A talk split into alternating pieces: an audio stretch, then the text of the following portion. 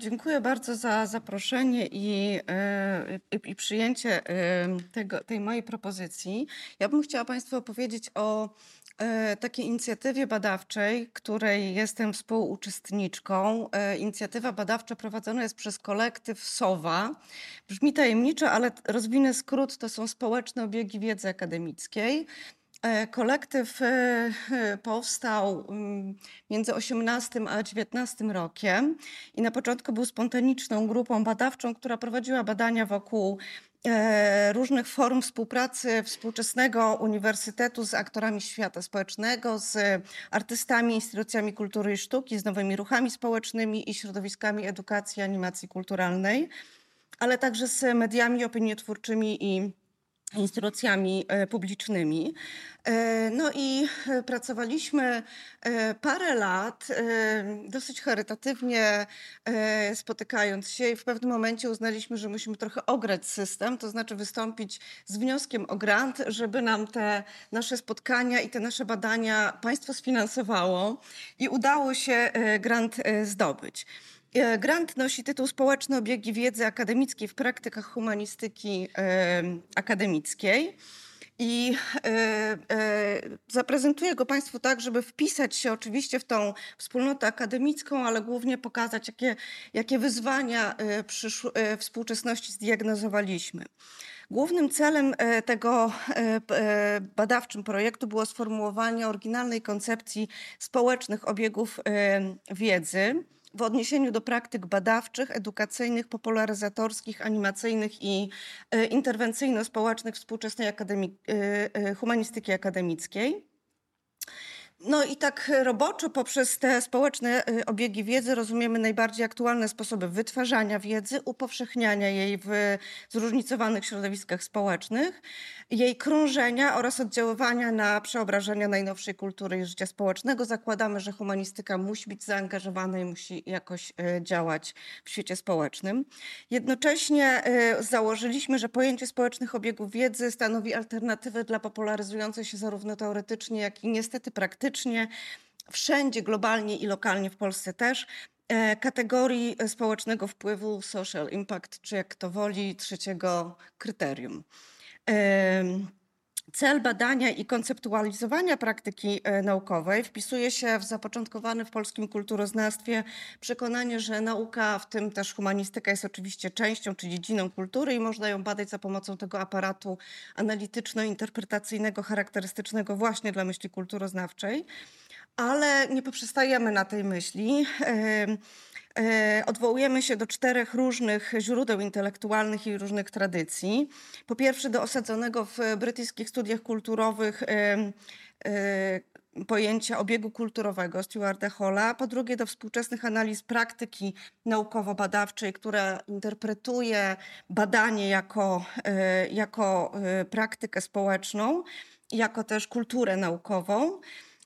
Po trzecie do ustaleń krytycznych studiów nad uniwersytetem i szkolnictwem wyższym, które to studia analizują systemowo instytucjonalne, materialne, ekonomiczne i społeczne e, przemiany środowisk związanych z wytwarzaniem wiedzy i z praktykami e, badawczymi.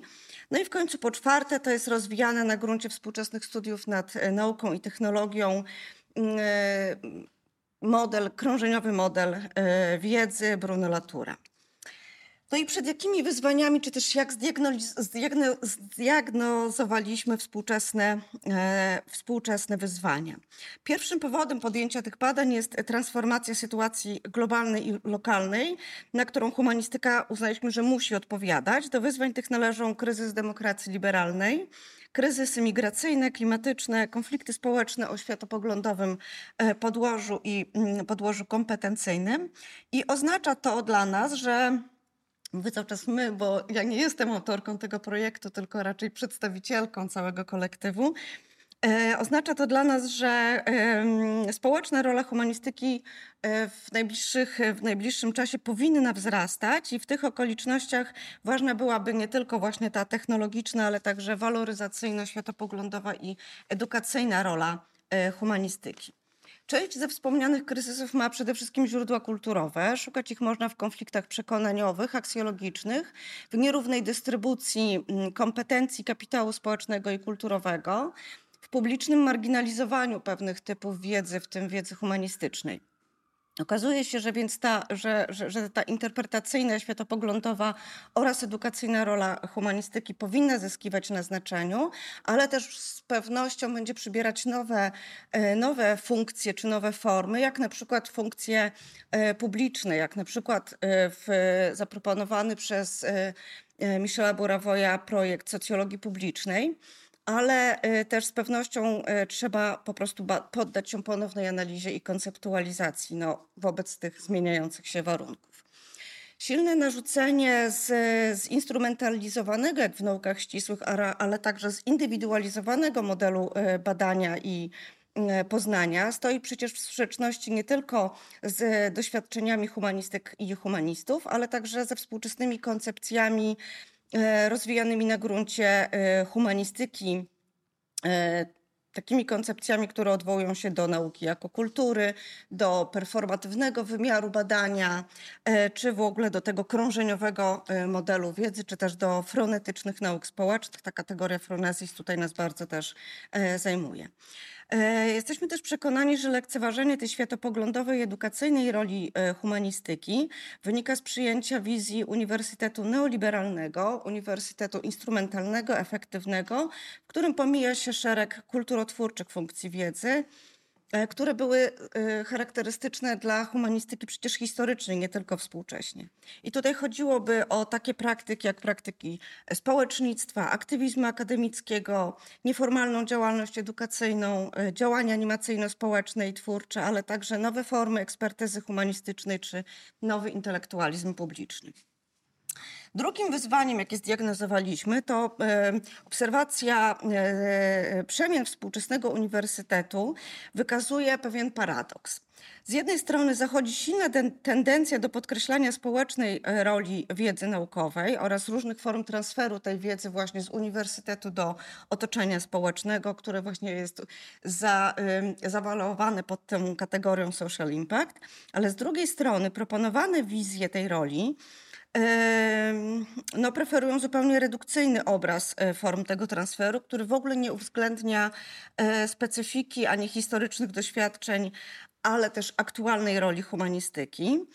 I myślę, że paradoks ten wynika z faktu, że ten obowiązujący model wpływu społecznego trzeciego kryterium, czy social impact, są wyprowadzone po prostu z doświadczeń innych, e, niż, e, e, innych nauk niż nauki humanistyczne, ale także dlatego, że rzeczywiste doświadczenia humanistyki związane z jej możliwym wpływem nie są w ogóle poddawane empirycznym badaniom. To znaczy my po prostu nie, nie, nie badamy, jak humaniści się wpisują w, ten, w tą misję wpływu społecznego.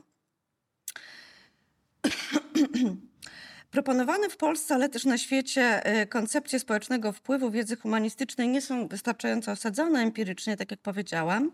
Jednym z zamierzeń tego projektu jest właśnie uzupełnienie tego braku, ale zarazem wypracowanie bardziej realistycznej e, alternatywy dla tego modelu. Powszechne i silne imaginarium wpływu społecznego czyni z uniwersytetu enklawę, która jest otoczona resztą świata. To znaczy wygląda to tak, że jakby w uniwersytecie produkowana jest e, wiedza naukowa i ona dokonuje się jakiś transfer tej wiedzy na zewnątrz, ale ten transfer jest zupełnie e, jednokierunkowy. Ale przecież współczesne e, badania życia naukowego właśnie jako pewnej praktyki, ale także szerszy kontekst funkcjonowania uniwersytetu w warunkach kapitalizmu kognitywnego nie dają w ogóle podstaw do tego, żeby taki uproszczony model utrzymać. No, po prostu kapitalizm kognitywny charakteryzuje się tym, że uniwersytet przestaje być jedynym ośrodkiem wytwarzania wiedzy. Tak? Tych ośrodków e, jest, e, jest więcej i one ze sobą albo współpracują, albo konkurują. Transfer, transfer, wiedzy nigdy nie był jednostronny z uniwersytetu do otoczenia, lecz zawsze był wielokierunkowy, polegający na tym, że akademicy współwytwarzali wiedzę z podmiotami badanymi, ale też angażowali się w różnego rodzaju e, działalność społeczną i w ten sposób uczyli się e, uczyli się różnego rodzaju, e, znaczy nabywali różnego rodzaju wiedzy, ale także uczyli się różnego rodzaju na przykład strategii edukacyjnych. Sieć relacji, w jaką wchodzą badacze ze zróżnicowanymi aktorami świata społecznego, więc jest złożona, dynamiczna i z pewnością wyznacza zupełnie nowe zadania dla, dla humanistyki. No i w końcu trzeci powód, jednocześnie tło dla naszych badań, to jest kryzys zaufania do nauki w ogóle. Przemiany społecznego statusu wiedzy naukowej, w ogóle w tym humanistycznej w szczególności, pokazują, że zarówno globalny kontekst społeczno-kulturowy, jak i przeobrażenia samego uniwersytetu wpływają na to, że naukowe wyjaśnienia i interpretacje świata są dzisiaj w odwodzie, w bardzo dużym kryzysie. Można by było powiedzieć, że, te, że ta nowoczesna idea uniwersytetu oraz wiedzy humanistycznej, idea Uniwersytetu Humboldtowskiego wynikały, wynikały z tego, że były to zespoły praktyk i wartości charakterystyczne dla kultury nowoczesnej e, e, po drugim odczarowaniu e, świata. A kontekst kultury późno-nowoczesnej, związanej z jednej strony z dominacją neoliberalnej fazy kapitalizmu, a z drugiej strony z czymś, co Ulrich Beck nazwał społeczeństwem ryzyka, powoduje, że doświadczamy dzisiaj no, w zasadzie kultury trzeciego odczarowania, czy też odczarowania odczarowania, a to z kolei jest odpowiedzialne za różnego rodzaju nastroje denialistyczne, poglądy antynaukowe, kategorie postprawdy, nasilaniem się, nasilaniem się lęków społecznych. Zatem wiedza naukowa nie tyle nie odpowiada, ile nawet sama staje się źródłem y, tych, y, tych lęków. Jedna z możliwych przyczyn tego stanu, e, jednym z możliwych przyczyn tego stanu rzeczy jest fakt systematycznego osłabiania transparentności samego procesu dochodzenia do wiedzy i, e, i naukowych ustaleń oraz odkryć. A innym procesem w ramach neoliberalizacji jest osłabienie instytucji i aktorów społecznych, którzy są odpowiedzialni za rozwój właśnie tego kapitału kulturowego, za demokratyzację wiedzy, za edukację, za kulturę instytucjonalną i e, solidarność społeczną. Pierre Bourdieu określił to właśnie mianem osłabienia lewej ręki państwa. Warto więc zapytać, czy te społeczne obiegi wiedzy naukowej tworzą jakąś alternatywę, mogłyby tworzyć jakąś alternatywę dla późno y, nowoczesnej kultury ryzyka i lęku i na ile one mają taki potencjał kontrhegemoniczny dla kategorii social impact, a także czy przyczyniają się do zdefiniowania na nowo w ogóle roli humanistyki w odniesieniu do upowszechniania osiągnięć wiedzy naukowej w ogóle.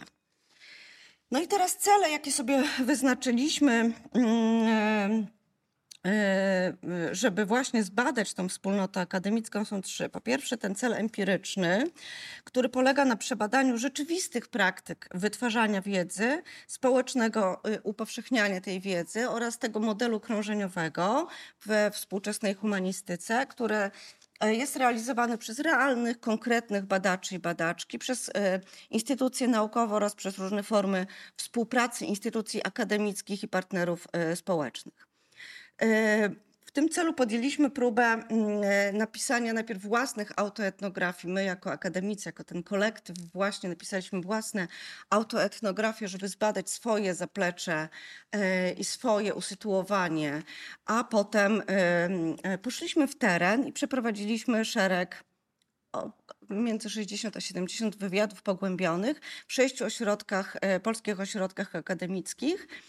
E, no i zakładaliśmy, że efektem tych badań będzie krytyczna i pogłębiona analiza rzeczywistych praktyk e, polskich humanistów z uwzględnieniem ich uwarunkowań kontekstowych, czyli właśnie pola akademickiego, systemu nauki i szerszego kontekstu społeczno-kulturowego. I te wyprowadzone właśnie z terenu e, wyniki mają nam dać obraz takiego usytuowania, usytuowanego doświadczenia praktycznego konkretnych osób.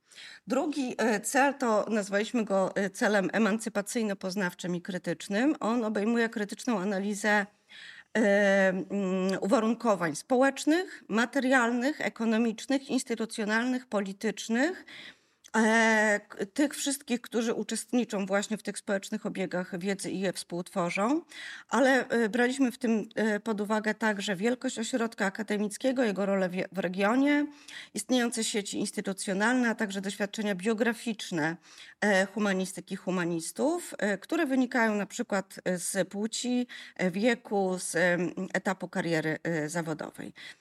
E, Tutaj ten kontekst lokalny był dla nas bardzo ważny, dlatego że kategoria social impact, ona zakłada też międzyunarodowienie, tak jak Państwo wiecie. Natomiast tutaj się okazuje, w tych e, e, założyliśmy, że przecież ci badacze, badaczki, którzy biorą udział w tym obiegu wiedzy akademickiej, oni po prostu działają bardzo często lokalnie i najlepiej to było widać w Uniwersytecie w Białymstoku. A więc chcieliśmy zbadać właśnie tą samoświadomość instytucji, to jak oni definiują swoje ograniczenia i możliwości współpracy. E, No i e, tutaj e, ten, e, to byłby ten cel emancypacyjno-poznawczy i cel teoretyczny to jest właśnie e, sformułowanie tej e, nowej koncepcji e, społecznych obiegów wiedzy akademickiej. Która e, przystawałaby po prostu do współczesnej e, rzeczywistości społeczno-kulturowej i proponowała właśnie taki realistyczny obraz praktyk badawczych w warunkach późnego kapitalizmu, drugiej nowoczesności, czy tego właśnie społeczeństwa e, ryzyka. I roboczo zbudowaliśmy taką typologię tych praktyk humanistów, którzy właśnie biorą udział w społecznych obiegach wiedzy.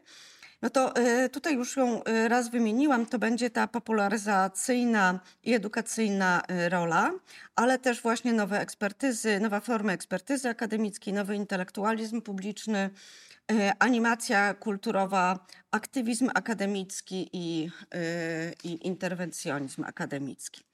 I y, wydaje mi się, że ja już będę kończyć, więc y, jakby mogę oddać więcej czasu na dyskusję, ale tym, co wydaje się nam tutaj e, szczególnie istotne, to nie tyle mm, edukacja o samej nauce jako wiedzy gotowej, ale przede wszystkim e, to, czego brakuje w akademii, to z jednej strony właśnie nauczanie praktykowania nauki, czyli jakby dochodzenia e, wspólnego dyskutowania, dochodzenia do osiągnięć, do jakichś wyników i e, nauczania takiej wiedzy o nauce, która mm, pokazuje naukę jako otwartą praktykę. Myśmy chyba w zeszłym roku rozmawiali też o nauce laboratoryjnej, prawda? Ten, ten model nauki laboratoryjnej, nawet humanistyki laboratoryjnej byłby takim modelem, w którym się mm, e, nie tylko badacze znajdują, ale również wszyscy ci, którzy są zainteresowani procesem dochodzenia. E, W ten sposób można by było uniknąć Oczywiście to nie, nie- jest jedyny, e, nie jest jedyny przyczynek, ale on też sprawia, że unikamy takiego zreifikowanego obrazu nauki, em, w której naukowcy coś wytwarzają i ta wiedza jest transferowana do społeczeństwa. Społeczeństwo rozumie lub nie e, wyniki badań naukowych. E, Jeśli Państwo macie pytania, to ja oczywiście chętnie na nie odpowiem. Powiem krótko tylko, że ten kolektyw badawczy SOWA e, składa się z 14 osób. E, To są badacze i badaczki pochodzące z sześciu ośrodków akademickich w Polsce, z Wrocławia, Poznania, Uniwersytetu Śląskiego. mm, Nie chcę tutaj nikogo teraz wykluczyć. Ale y, tak, ale to jest 14 osób. Jesteśmy zespołem bardzo y, interdyscyplinarnym, bo są i socjologowie, i filozofowie, i kulturoznawcy, i antropolodzy. Y, y, I bardzo krzyżują się te nasze, y, nasze doświadczenia. Y, Natomiast jeszcze chyba krótko muszę powiedzieć o tym modelu badań autoetnograficznych. Myśmy przeprowadzili najpierw, zanim poszliśmy w teren, przeprowadziliśmy własne autoetnografie. Spotykaliśmy się na seminariach badawczych, mm, w których prezentowaliśmy właśnie te autoetnografie. One po prostu polegały na tym, że e, prezentowaliśmy, jak dochodziliśmy do tego momentu naszego, e, naszej edukacji i naszej kariery zawodowej, kariery w cudzysłowie oczywiście. Na jakie uwarunkowania, z jakimi uwarunkowaniami się spotkaliśmy, co było mm, przeszkodą, co, y, co sprzyjało, ale też y, y, wszyscy jesteśmy formowani w uniwersytecie w transformacji, czyli naszymi mistrzami, nauczycielami, naszymi byli ci wszyscy profesorowie, którzy w latach 90. po wysypie szkół prywatnych pracowali na trzech etatach.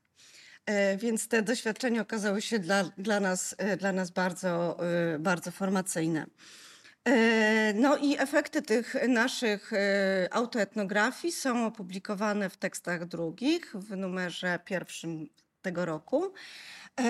I w październiku spotykamy się w Warszawie. Zapraszam wszystkich Państwa, pewnie będziemy o tym informować. E, na takim seminarium poświęconym właśnie z jednej strony metodzie autoetnograficznej, a z drugiej strony kryzysowi uniwersytetu i tam będziemy analizować te nasze autoetnografie. One też, e, ten model badań wynikał z takiego etycznego założenia, że zanim przejdziemy do badania e, osób wywiadowanych, to, to sami siebie zbadamy. E, I też na podstawie tych naszych autoetnografii zbudowaliśmy kategorie e, analityczne do budowania potem e, tych wywiadów. Okazuje się, że te uwarunkowania społeczno-ekonomiczne, płciowe, wiekowe są rzeczywiście bardzo mocno istotne w tym, jak badacze i badaczki znajdują czas, ochotę lub sens w tym, żeby właśnie wyprowadzać wiedzę akademicką, czy czerpać e, wiedzę ze środowiska społecznego do akademii. Dziękuję bardzo.